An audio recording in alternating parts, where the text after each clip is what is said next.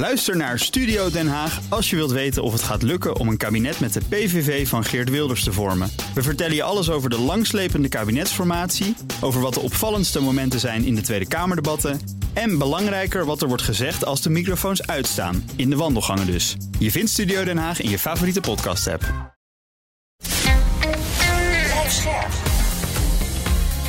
BNR Nieuwsradio. Boekenstein en de Wijk.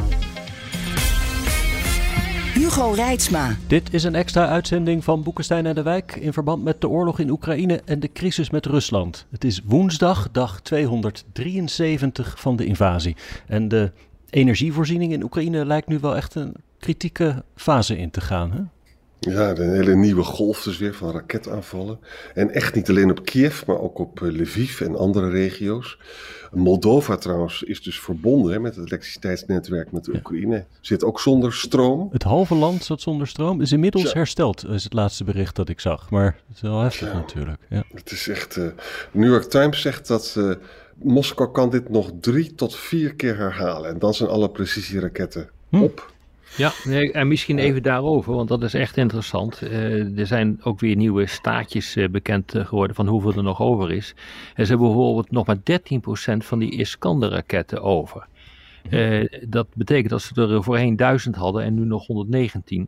Oh. Uh, uh, ja, daar hebben ze nog de beschikking over. Dus dat is echt heel weinig. En van al die andere raketten, nou ik zal ze niet allemaal gaan opnoemen, want dat is stom vervelend. Maar als ik daar zo naar kijk, dan is het minder dan de helft hebben ze nog over. Ik las ook wel eens over die Iskander-raketten. Van ja. die kunnen ook met nucleaire wapens worden uitgerust. Dus je kan niet naar nul, want dan is die dreiging weg. Nee, dat dus klopt. Nee, je, niet hebt meerdere, je hebt meerdere raketten waarmee dat kan. Maar inderdaad, dat is absoluut uh, juist. Dat zijn raketten die je ook kunt uh, uitrusten met een nucleaire lading. Maar jongens, het betekent gewoon wel dat je, je kunt gewoon uh, dat hele elektriciteitsnetwerk kan je uitschakelen. Van, uh, van ja, ja, 70 kruisraketten hebben ze afgeschoten, als ik het uh, goed heb vandaag. En 51 zijn er neergehaald. Hmm. Dus dat is, nou ja, dus nog steeds een aanzienlijk aantal, maar ja, onvoldoende. nou ja, ik, het is natuurlijk echt dramatisch. De WHO die heeft nu gezegd dat ze verwachten dat 3 miljoen mensen zullen vertrekken. Hmm. Uh, ik moest er even aan denken toen ik uh, de discussie hoorde in de Tweede Kamer. Dat er nu toch echt uh, paal en perk wordt gesteld aan het aantal mensen wat hier binnenkomt. Ja. Maar hoe zou je dat willen doen? als een de, groot deel van die 3 miljoen niet in eigen land wenst te blijven, maar naar Europa gaat vertrekken, dat, die kans is natuurlijk groot. En dan heeft Poetin heeft natuurlijk gewoon zijn zin. Hè? Ja. want ik hoorde net ook in een commentaar toen ik hier naartoe reed van ja, dat doet dat doet Poetin om uh, een betere onderhandelingspositie te krijgen aan de onderhandelingstafels. En wil ook dat, uh, en nu wordt onderhandeld met, met Zelensky. Maar dat is natuurlijk niet het geval. want wat je nu ziet is dit gewoon, als dit dus klopt, hè, dit soort cijfers. En ik ga ervan uit dat dat heel goed kan, zeker na de aanvallen van vandaag. Ja, dan ontstaat er een situatie waarin Europa behoorlijk ontwricht kan worden. En dat is ongelooflijk in het voordeel van Poetin, die vindt dat hij in oorlog is met het Westen. En mhm. niet alleen maar met Oekraïne. Ja, wat ik er merkwaardig aan vind is dat uh, Brekelmans van de VVD die beklemtoont steeds, ik heb het niet over Oekraïners, want die hebben sowieso recht uh, om hier te komen. Ja, dat klopt. Hm. Ja, en, en, ik zou dus verwachten, nou, er komen dus misschien miljoenen mensen aan. Laten we voorbereidingen treffen. Laten we erover nadenken hoe we dat gaan opvangen. maar het kan nu al niet meer. Ik bedoel, de, de, de, de, de eigen, de eigen bevolking kan al niet meer in een huis. Uh, dus we zitten echt gewoon met een geweldig uh, probleem. En dit is ook precies de bedoeling hoor, van, um, hmm. uh, van, van Poetin, dat dit gebeurt. Hoe meer er ontwricht hier wordt, hoe beter het voor hem is. Want dan hoopt hij, en dan hoop ik van niet, dat dan de steun voor die hele operatie gaat, gaat, gaat verdwijnen. Hmm. Ja, maar het minste wat je kan doen is dat je kampen in Polen faciliteert vanuit Nederland. Ja, maar die hebben er dus al 1,2 miljoen hè. Ja. Volgens mij zijn het, is het inmiddels, dat is, dat is de, de stand van een paar weken geleden. Misschien zijn het er inmiddels al 1,3 miljoen of 1,4 miljoen. Nou, dan maar komen er nog een paar honderdduizend bij. Zij weigeren andere vluchtelingen, toch? Uh, Irakezen en Afghanen. Dus ja. Ze hebben misschien nog wat ruimte. Ja. Maar als ik het zo zie, wordt het wel snel echt heel problematisch. Als ik nu op dit Ja. moment zit dus de hele regio Kiev zonder stroom. In elk geval in de stad is geen stroom met water. In Lviv is geen stroom. Eh, wordt gewaarschuwd voor uitvallen van watervoorziening. Eh, het ministerie van Energie zegt dat alle kerncentrales, de meeste eh, warmte- en waterkrachtcentrales in het land, in elk geval deels zijn afgeschakeld. En collega Geert-Jan Haan meldt dat rekening wordt gehouden met een blackout in heel Oekraïne vanavond. Zou me niet verbazen. Gerson is trouwens een van de meest getroffen gebieden hè, op dit eh, gebied. Ja. Ja. ja, het zou mij niet verbazen als dat eh, gaat gebeuren, want eh, dat kan niet anders. Interessant is trouwens dat de Russen, omdat ze dus door hun spullen heen raken, moeten vertrouwen nu op de aanvoer van Iraanse raketten. Daar hebben we het eerder over Mhm. gehad. Hè? Ja, Eh, en er zijn nu berichten, en dat is echt interessant jongens, dat moeten we heel goed volgen. We hebben er eerder over gehad van, ja, er wordt gefilosofeerd over het ophouden, eh, dan wel misschien wel ehm, met militaire middelen stoppen van de aanvoer van die raketten. Ja, ja. Daar is op de achtergrond het een en ander aan de hand. Eh, dat is een ding dat, dat zeker is. Ehm we hebben, weten nu uit Oekraïense kant eh, dat ehm, er echt druk wordt uitgeoefend door een aantal landen, die worden niet met name genoemd, op Iran om het niet te doen. En dat baart naar het schijnt de Russen weer zorgen. Nou, eh, het, het, het is iets wat uit de officiële kanalen komt eh, van Oekraïne. Het, eh, het is typisch zo'n bericht die echt waar kan zijn. Want dit Hm. is precies wat, eh, denk ik, de Verenigde Staten, maar ook een aantal andere landen aan het doen is. Om ervoor te zorgen eh, dat eh, Iran die raketten voor zichzelf houdt. En dat is natuurlijk ook logisch. Wat er precies gebeurt, ik heb geen idee. Maar dit is echt even heel goed om, eh, om te volgen. Goh. weet je welk land eh, goede contact heeft met Iran? Dat is Qatar. Dus het is- misschien is het Qatar wel dat iets aan Ja, dat, is. dat, ik, ik zou daar niet op willen gaan, gaan speculeren wat, wat hier aan de hand is. Of Oman, dat kan ook. Ja, ja. Maar Ja. waarmee zou je druk kunnen uitoefenen op Iran? Ja, we hebben al sancties. sancties. Ja, nog meer sancties, maar je zou bijvoorbeeld eh, kunnen dreigen van als je dit eh, gaat doen, dan, eh, eh, dan schieten we de tra- tra- transporten kapot. Dus dat, eh, ja, weet je, eh, of je het doet of niet, dat maakt er niet zoveel uit. Maar, oeps, dat zou dus maar, ja, dat, dat is een, het is een scenario waar je even niet bij stil moet staan. Maar helemaal ondenkbaar is het ook niet. Zo, je kan natuurlijk toch betrekkelijk gemakkelijk die raketten in Rusland krijgen door de geografische positie van Iran. Hè? Je rijdt gewoon naar het noorden. En dan rij je. Nou ja, dan moet je wel door een paar landen nog heen hoor, volgens mij. Je Ja. kunt door de Kaspische Zee Je- als je vaart, dan kom je, ja, dan kan het. Ja, dan kan je. Ja. En eh, ik heb er zo op de kaart gekeken. Dat moet vrij simpel zijn. Eh, dat is een eh, paar honderd kilometer, dan ben je er wel. En er zijn verschillende havens, ook marinehavens van, van Rusland. Die hebben een Kaspische zeevloot. Eh, waar je vrij gemakkelijk eh, dit soort eh, schepen naartoe kan eh, sturen. Dus dat is een fluitje van de cent. En dat ligt interessant genoeg relatief dicht bij, het, eh, bij Oekraïne, bij het front. Ja. Je rijdt er niet in een paar uur naartoe hoor, maar eh, relatief. Nee. Want Rusland is natuurlijk een gigantisch land. Maar, maar dus de vraag is een beetje of, of, of eerst Rusland door zijn raketten heen raakt of Oekraïne door zijn stroomvoorziening. Ja. Exact, daar gaat het om. Dat is eh, pre- precies Ja, waar, het om, ja. eh, waar het om draait. Ja. ja, en wat je dus nu ziet, hè, nog even een aanvulling van die mensen die vertrekken. Eh Timchenko, dat is de CEO van een van die grote energiebedrijven, die heeft nu gezegd: verlaat het land.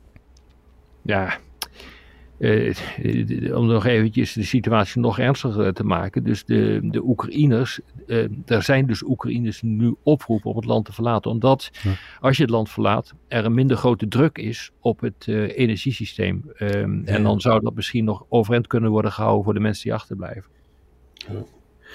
Het is echt een vreselijke situatie. Nou, verder is in Oekraïne is de geheime dienst, is de orthodoxe kerk binnengevallen. Je hebt daar dus eh, twee orthodoxe kerken. Eentje die nog naar Rusland luistert en eentje die al eh, afgesloten is eh, daarvan. Hè. En dat, is, dat spreekt wel een beetje tot mijn verbeelding. Want toen eh, Rob en ik waren een paar jaar geleden in Kiev, weet je nog? Ja? Heb Ja. je dat eens verteld? Ja, Prachtige toen- stad, ja. Echt een Ongelooflijk mooi. Ja. En toen ben ik ook op een ochtend, ik weet niet meer wanneer, ik geloof dat ik het alleen deed, ben ik naar dat klooster gegaan. Zo'n gigantisch groot. Ja, ik ben er ook wel eens geweest. Dat is waanzinnig, ja. ja. Dat is echt, eh, nou goed, daar zijn dus nu eh, de Oekraïnse geheime dienst naar binnen. En die hebben er allemaal Russische spionnen aangetroffen. En 100.000 eh, eh, dollars en dat soort dingen, weet je wel. En, en de afgelopen maanden zijn er al 30 priesters gearresteerd. Die hadden hulp gegeven aan de Russen en ook informatie over de Oekraïnse troepen doorgestuurd. Hè. Mhm. Ik vind het nogal wat, hè, wat er allemaal gebeurt in het land. Hè. En wat ook nog heel sappig is, is dat de, de krakers in de Vossierstraat, en die Ja. zitten dus in het huis van een eh, oligarch, zeg maar, hè, Arkady Volos. Hè, dat is een Russische tech-entrepreneur. Met die is oprichter van eh Jantex of zoiets heet dat, geloof ik. Hè. Mhm. En eh, nou ja, die, die man zoekmachine dus... is dat, eh Aantjan. Is een Oh ja, zoekmachine, ja. Dat is Ja, de grootste ja. zoekmachine van, eh, van Rusland. Ja. Ja. Oh ja, dat is zo, ja. Een soort eh, Google-achtige Ja. toestand. Nou goed, die, eh, die man die valt dus onder de sancties. En eh, mag dus ook niet zomaar verblijven in zijn Amsterdamse pied-à-terre. En om die reden zegt de rechter dat de krakers daar gewoon lekker mogen blijven zitten. Wat hilarisch. Die Zit je wel dus, chic ja, hoor, in de Vossierstraat. Hmm. Dat is, eh, Ja. in Zuid. Ja. ja. Aan, aan het Vondelpark. Hè. Dat is allemaal heel... eh 1,8 Ja, het is een mooi huis. En het leuke is, er zijn dus allemaal eh, banieren aan opgehangen met eh, Ja. pro-Oekraïnse leuzen. Dus dat is ook wel geestig. Wat lachen. Ik zal misschien van het weekend eens kijken of ze een feestje geven. Dat doen ze wel eens eh, in de kraak. Ga er naartoe. Ja, Ja, zeg dat je van Boekenstein in de wijk bent, dan mag je vast wel binnenkomen. Dat weet ik niet. Ja. Nou, wat ook interessant is, daar hebben we het al eerder over gehad. Je hebt die, dus onder Gerson heb je dus zo'n schiereilandje. Ja. Die heet dat Kinburn, Kinburn Spit, noemen ze dat. Hè? Eh, en dat is, eh, schijnt trouwens ongelooflijk mooi te zijn met, met flamingo's en weet ik allemaal wel niet in de zomer. Hè? Eh, en, en, en het ligt dus, dat, dat schiereindje, als je op de kaart kijkt, dat ligt ook echt richting Odessa. Dus ontzettend strategisch belangrijk. Hè? Het speelde trouwens ook een rol in de Krimoorlog in 1855. Toen hebben de Britten en de Fransen hebben daar een Russisch fort eh, vernietigd. Hm. Maar goed, ehm, daar wordt gevochten. Dat, wist, dat hebben wij een week geleden al gemeld. Hè? En ja, het is duidelijk dat de Oekraïne daar wel wat vorderingen maakt. En daarmee is dus de controle over de Krim van Moskou gewoon direct in gevaar. Hè? Want dat moeten ze gewoon behouden. Dat is echt ontzettend belangrijk. Eh, en eh, het is jammer dat we daar zo weinig informatie steeds maar over krijgen. Maar Ja, wat, waar, waar- ik wel informatie over heb, is dat zelfs eh, gisteren nog toeristen op dat gebied zijn geweest. op dat schiereiland geweest. Ja, je houdt het toch niet voor mogelijk. Dat wat Russische doen, hè? toeristen. Ja. Nee, niet, ja, dat weet ik eigenlijk niet. Nee, er er werd een melding gemaakt van toeristen die daar, die daar waren. En die eigenlijk hals over kop weg moesten. omdat de special forces van eh, Oekraïne eraan kwamen. Maar ja, je, je kunt dus vanuit dat, dat, dat schiereiland. kun je dus eh, eigenlijk redelijk goed Odessa bestoken. Want het ligt 60 kilometer daar vandaan. Dus het is eigenlijk nog. Het ligt eigenlijk. Als je naar de kaart kijkt, ligt het nog dichter. eh, bij Odessa eh, dan Gerson, dan de stad Gerson. Nee, maar het zit Ja. vast aan de, aan de oostoever van de Dnipro. Hè? Ja. Dus het is ook een manier Ja. om, om Ja. voor Oekraïne om verder te komen. Ja, maar het interessante is, als je dus kijkt hoe die, eh, eh, hoe die fortificaties eh, lopen, eh, dan wordt er behoorlijk gefortificeerd, de, komen er behoorlijke fortificaties van eh, en, en, en loopgraven van eh, de Russen. Die lopen eh, langs de, de Dnipro. Eh, maar die, die buigen eigenlijk af eh, voor eh, dat schiereiland. Ja. Dus het Ja. lijkt net alsof ze dat schiereiland heb, al hebben opgegeven. Of dat zo is, dat waag ik te be- eh, betwijfelen. Eh, want zo'n eh, fortificatie, zo'n loopgraaf is ook een soort vol Dus je hebt nog mensen verder naar voren geplaatst. En dan kan je daar achter verschuilen als het helemaal misgaat. Maar het is wel op zich interessant dat die eh, fortificatie daar niet langs loopt. En je kunt daar vandaan ook knallen naar Mykolaiv hè? En, eh, en, Ja. en naar Odessa. Dus het is, Zeker. ze moeten dat niet verliezen, de Hmm. Russen. Goed, wat hebben we nog meer? Oh ja, Nou, eh, wat er interessant is, de discussie die ontstaan is in Polen. Hè, naar aanleiding van eh, dat Oh ja. eh, ongelukje met, eh, eh, kennelijk met dat eh, Russische, met dat Oekraïense eh, afweerraket. die dus terechtkwam in Polen en daar twee mensen doden.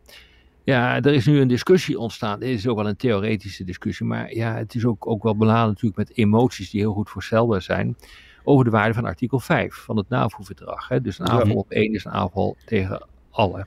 Hè, er worden nu eh, Patriots gestationeerd eh, door, Rus- door ehm, Duitsland in, eh, in Polen om raketten toch zoveel mogelijk te proberen open te vangen.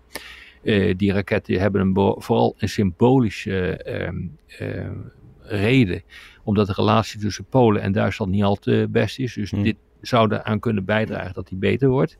Maar ja, wat ga je nou doen als je bijvoorbeeld een, uh, een uh, Russische raket wil onderscheppen, die op je afkomt en dan moet je een, uh, een raket, anti-raket lanceren tegen die inkomende raket en die komt dan boven Oekraïne tot explosie. Wat gaat er dan gebeuren? Ja, dat soort discussies lopen nu. En hm? uh, dan wordt dan weer uh, verondersteld dat als dat gebeurt, uh, de Russen dat zouden kunnen zien als gevechtshandelingen boven Oekraïne. Oh, en dat dan de NAVO daarbij betrokken zou moeten worden. Nou, het zijn discussies die uh, die redelijk theoretisch zijn, omdat volgens mij de Patriot niet meer uh, dan een afstandsbereik heeft van pakweg uh, 20 kilometer. Dus het is al heel lastig om, dan moet je wel erg dicht tegen de grens zetten om dat te doen. Maar het toont maar even aan hoe zenuwachtig men daar ook is. Ja. En men wil echt gewoon keiharde garanties dat wanneer Rusland verder gaat, dat de NAVO ook inderdaad invulling geeft aan artikel 5. Ja, het Europees Parlement heeft vandaag een resolutie aangenomen waarin ze dus oproepen dat, uh, dat de Europese Unie de juiste juridische kader gaat maken om de Rusland aan te wijzen als een, uh, een state sponsor van terrorisme. Mm -hmm. nou, dat moeten we even goed plaatsen. Biden heeft dat dus juist niet gedaan, omdat dat natuurlijk onderhandelingen ondermijnt. Daar hebben we toen uitgebreid over gesproken. En over het algemeen zijn deze dingen gewoon niet handig. Maar ja, het Europees Parlement wil zijn bestaan uh, rechtvaardigen. Ik vind het hm. onverstandig. Nou, wat Ik vind het ook zeer onverstandig. Ja. want we hebben in het begin al helemaal, je moet het zo even uitleggen, maar in het begin van eh, de oorlog hebben we al gezegd, en hebben we het Sun Tzu, uh, de grote Chinese krijgsfeer uh, van, uh, wat is het, 2500 jaar geleden bij uh, voorgeciteerd. Bouw voor je tegenstander een gouden brug. Dus zorg ja. niet dat hij helemaal in de hoek wordt eh, gedreven. Want anders kan je er helemaal nooit meer over onderhandelen. En er is er ook geen enkele rationele reden meer om ermee op te houden hè, ja. met, met de strijd. Ja, kijk, mensen verwarren altijd twee dingen. Natuurlijk heeft Zelensky nu geen enkele reden om te onderhandelen. Hè? Maar het, over het algemeen is het zo in de diplomatie dat je met de duivel en zijn allemoer in contact staat. Want als je dat niet doet, dan heb je dus minder informatie. En, op, en uiteindelijk moet er altijd onderhandeld uh, worden. Maar goed, de, dat, wat er gebeurd is, uh, een half uur geleden, is een enorme cyberattack nu aan de, hm. aan de gang naar het Europese parlement door een uh, aan het Kremlin gelieerde hackersgroep. Ik hoop wel dat het Europese parlement een beetje beschermd is daarvoor. Jo, nou ja, dat zullen ze misschien even er een tijdje uitleggen, maar dat, dat komt wel weer goed. Kijk, realiseer je, dat komt helemaal niet zo in het nieuws. Dat, die, dat het, maar als je de lijsten ziet van cyberaanvallen, op Oekraïne, maar ook op andere landen, is echt zeer indrukwekkend hoor. Het ja. uh, interessante is dat het vaak gewoon niet heel erg veel effect heeft. Ja, het gebeurt gewoon elke dag bijna. Hè? Ja, ook, meerdere malen per dag zelfs. Ja. Met, en ja. banken hebben daar ontzettend last ja, exact, van. Ja. Overheidsgebouwen in, of overheidsinstellingen ook in Oekraïne, maar ook Baltische staten gaan zo maar door. Dat gebeurt gewoon. Nou, ze zijn nu woensdag in Brussel bijeen om weer te praten over die beroemde price cap, hè, waar we over praten, het prijsplafond. Het gaat over de olie, het gaat over de G7, om het weer even in herinnering te roepen. Het gaat met name dus over de EU, Japan en de Verenigde Staten. En ze willen dan dus dat, dat er een prijsplafond komt. En dat moet dan worden geïmplementeerd door de global shipping, dus zeg maar de containers, de rederijen en ook de verzekeringsmaatschappijen. Mm -hmm. Ik snap zelf nog steeds niet hoe dit kan werken. Ja, de ministerie, van Financiën in de Verenigde Staten die werkt dat plan nu uit. Er is wel iets van naar buiten gekomen, maar ik geef toe, het is lastig te volgen. We moeten echt gewoon even wachten tot het hele plan naar buiten komen en daar dan een commentaar op leveren. Hm. Want het is vrij complex hoor, dit. Vandaar dat ze er ook zo lang over hebben gedaan. Want 5 december zou het al ingaan, toch? Ja, maar, maar het plan, uh, ja, dat, dat kan één deze dagen dus naar buiten komen. Het ministerie van Financiën van de Verenigde Staten, die uh, heeft daar een belangrijke C in, in dat plan. Dus het is ook G7, inclusief de Europese Unie. Hmm. Maar weet je wat ik er zo lastig aan vind? Kijk, Amerika heeft zelf olie, dus die kan een hele grote mond hebben. Hè? Ja. Wij hebben dus te weinig olie, we hebben helemaal geen olie, nauwelijks olie.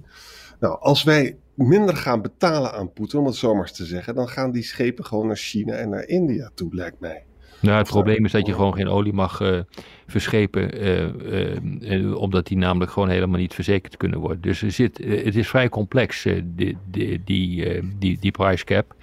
Het heeft dus niet alleen maar met, die, met een maximumprijs te maken, maar het heeft ook met de vraag te maken van wat gaat er gebeuren als je het met Russische schepen gaat Ja, volgens mij is het zelfs zo complex dat het als het uh, wordt verkocht onder de price cap, dan mag het naar derde landen wel verzekerd worden. En dan kan Ja, het via klopt. die weg altijd weer terugkomen naar Exact, Europa. eh, dat soort dingen staan erin. We, we moeten ja. echt de details eh, daarvan weten. Die, heb ik ook gezien. De pijplijnolie is ook weer uitgezonderd. Ja, die is eh, uitgezonderd. Volgens mij door Hongarije. Hongarije. Ja, dus ja. Het klinkt een beetje als een gatenkaas weer. Ja, Eh, nou ja, het is zo complex. Eh, het is ook een, eh, een terrein wat je, wat je nooit eerder betreden hebt. Hm. Dus je- dat is denk ik het grote probleem. Dit is totaal nieuw. Dit is een nieuwe vorm van economische oorlogsvoering. Dat heeft ook helemaal niks Hm. met sancties te maken, ook al is het een boycott. Hm. Maar dit is gewoon pure economische oorlogsvoering. En ik ben heel benieuwd, en dat is denk ik een, een hele relevante vraag, hoe onze grote vriend Poetin daarop gaat reageren. Wat heeft hij in petto om ehm, eh, als, reactie op deze maatregelen? Want hij, Ja. hij gaat met iets komen. Enig idee, jullie? Nou haal, het slecht, nou ja, haal het slechtste maar in je ogen, in- in- bij jezelf naar boven. En dan ben je misschien in staat om iets te kunnen bedenken wat hij zou kunnen doen. Nou ja, hij, hij, kijk, hij zal zeggen van, luister eens, als jij, niet, eh, als jij niet de prijs betaalt die ik wil hebben, dan krijg je überhaupt geen olie. Dat zal zijn antwoord zijn. Is het wat ja, maar een olieboycott is wel een olieboycott hoor. Dus ehm, eh, dit betekent namelijk ook dat wij ehm, die Russische olie niet meer kunnen gebruiken om daar ehm, diesel van te maken. En dat zal waarschijnlijk tot een enorme dieselkiezer gaan, leiden, gaan leiden. Of er moet achter de schermen eh, gezocht zijn naar alternatieven. Dat is zeker gebeurd. En die alternatieven die kunnen, moeten ook geïmplementeerd eh, kunnen worden. En dat weet ik niet. En je moet dus die raffinaderijen dan ombouwen. Ja, dat kan niet. Althans niet op, eh, niet op korte termijn. Dus daar zit een geweldig probleem in. Vandaar ook dat men vreest voor een crisis. Er is nog voor een behoorlijk aantal maanden reserve aangelegd. Dus we kunnen nog wel even voort. Maar ja, weet je, eh, de tijd die tikt eh, snel, door, snel door hoor. Dus het zou zomaar kunnen zijn dat we dus volgend jaar maart, april een enorme dieselcrisis hebben. Ja, dat kan. Waardoor dus ook eh, onderdelen van, eh, van de industrie eh, plat komen te liggen. Hm. Of Transport, ja. ja, transport, scheepvaart, auto's, de hele bliksemse boel. ja. Ja, misschien hoeft Poetin helemaal niet zoveel te doen. En eh, hebben wij er meer pijn van dan hij. Nou ja, dat zou dus heel goed kunnen, want we weten dus ook dat olie is nog wel makkelijk, eh, relatief makkelijk naar andere landen te verkopen. Ook al is het eh, voor een eh, lagere prijs, maar dat gebeurt nu ook al. Met, eh, en met gas is dat een stuk moeilijker, omdat je niet zomaar die pijpleidingen onmiddellijk een andere kant op kunt sturen. Dus we hebben dus al deindustrialisatie in Europa vanwege die hoge energieprijzen. Hè?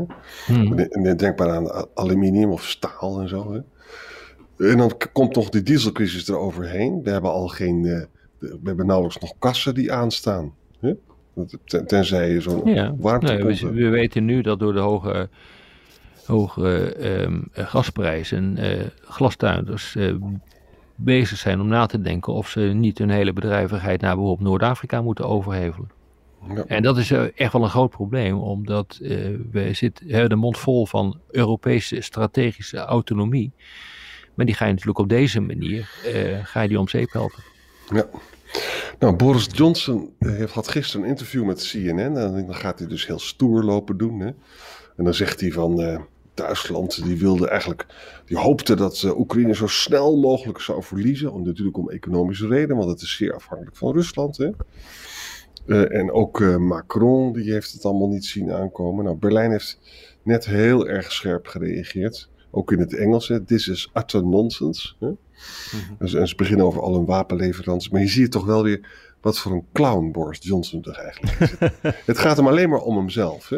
Ja. En, en Ja. dat, dat is het enige dat hij goed gedaan heeft, de Oekraïne-crisis zo'n beetje, weet je wel. En dan gaat hij gewoon eh, al die... Hij krijgt overigens 100.000 eh, pond per lezing nu. Nou, Lekker. Maar dat krijg jij ook toch op? ja, nou meer eigenlijk. Ja. Ik krijg minder 100.000 hoor. pond kom ik mijn bed niet uit hoor. hey jongens, ehm, volgens mij is het wel genoeg zo. Hebben we Ja, genoeg ja. gesomberd over de wereld? Of heb jij nog Ja. iets, Arjan? Engeland stuurt drie Sea King helikopters. Dus voor het Oh. eerst gaan de helikopters naartoe. Ja. Oké. Zijn, eh, dat zijn eh, eh, geen gevechtshelikopters voor als de mensen dat gaan denken. Nee. nee. En Rusland heeft nu de Iraanse drones opgebruikt. Er moeten er dus weer nieuwe komen. Daarover later meer. Hè? Zo is het. Nou, morgen. genoeg jongens. Ja. Tot morgen.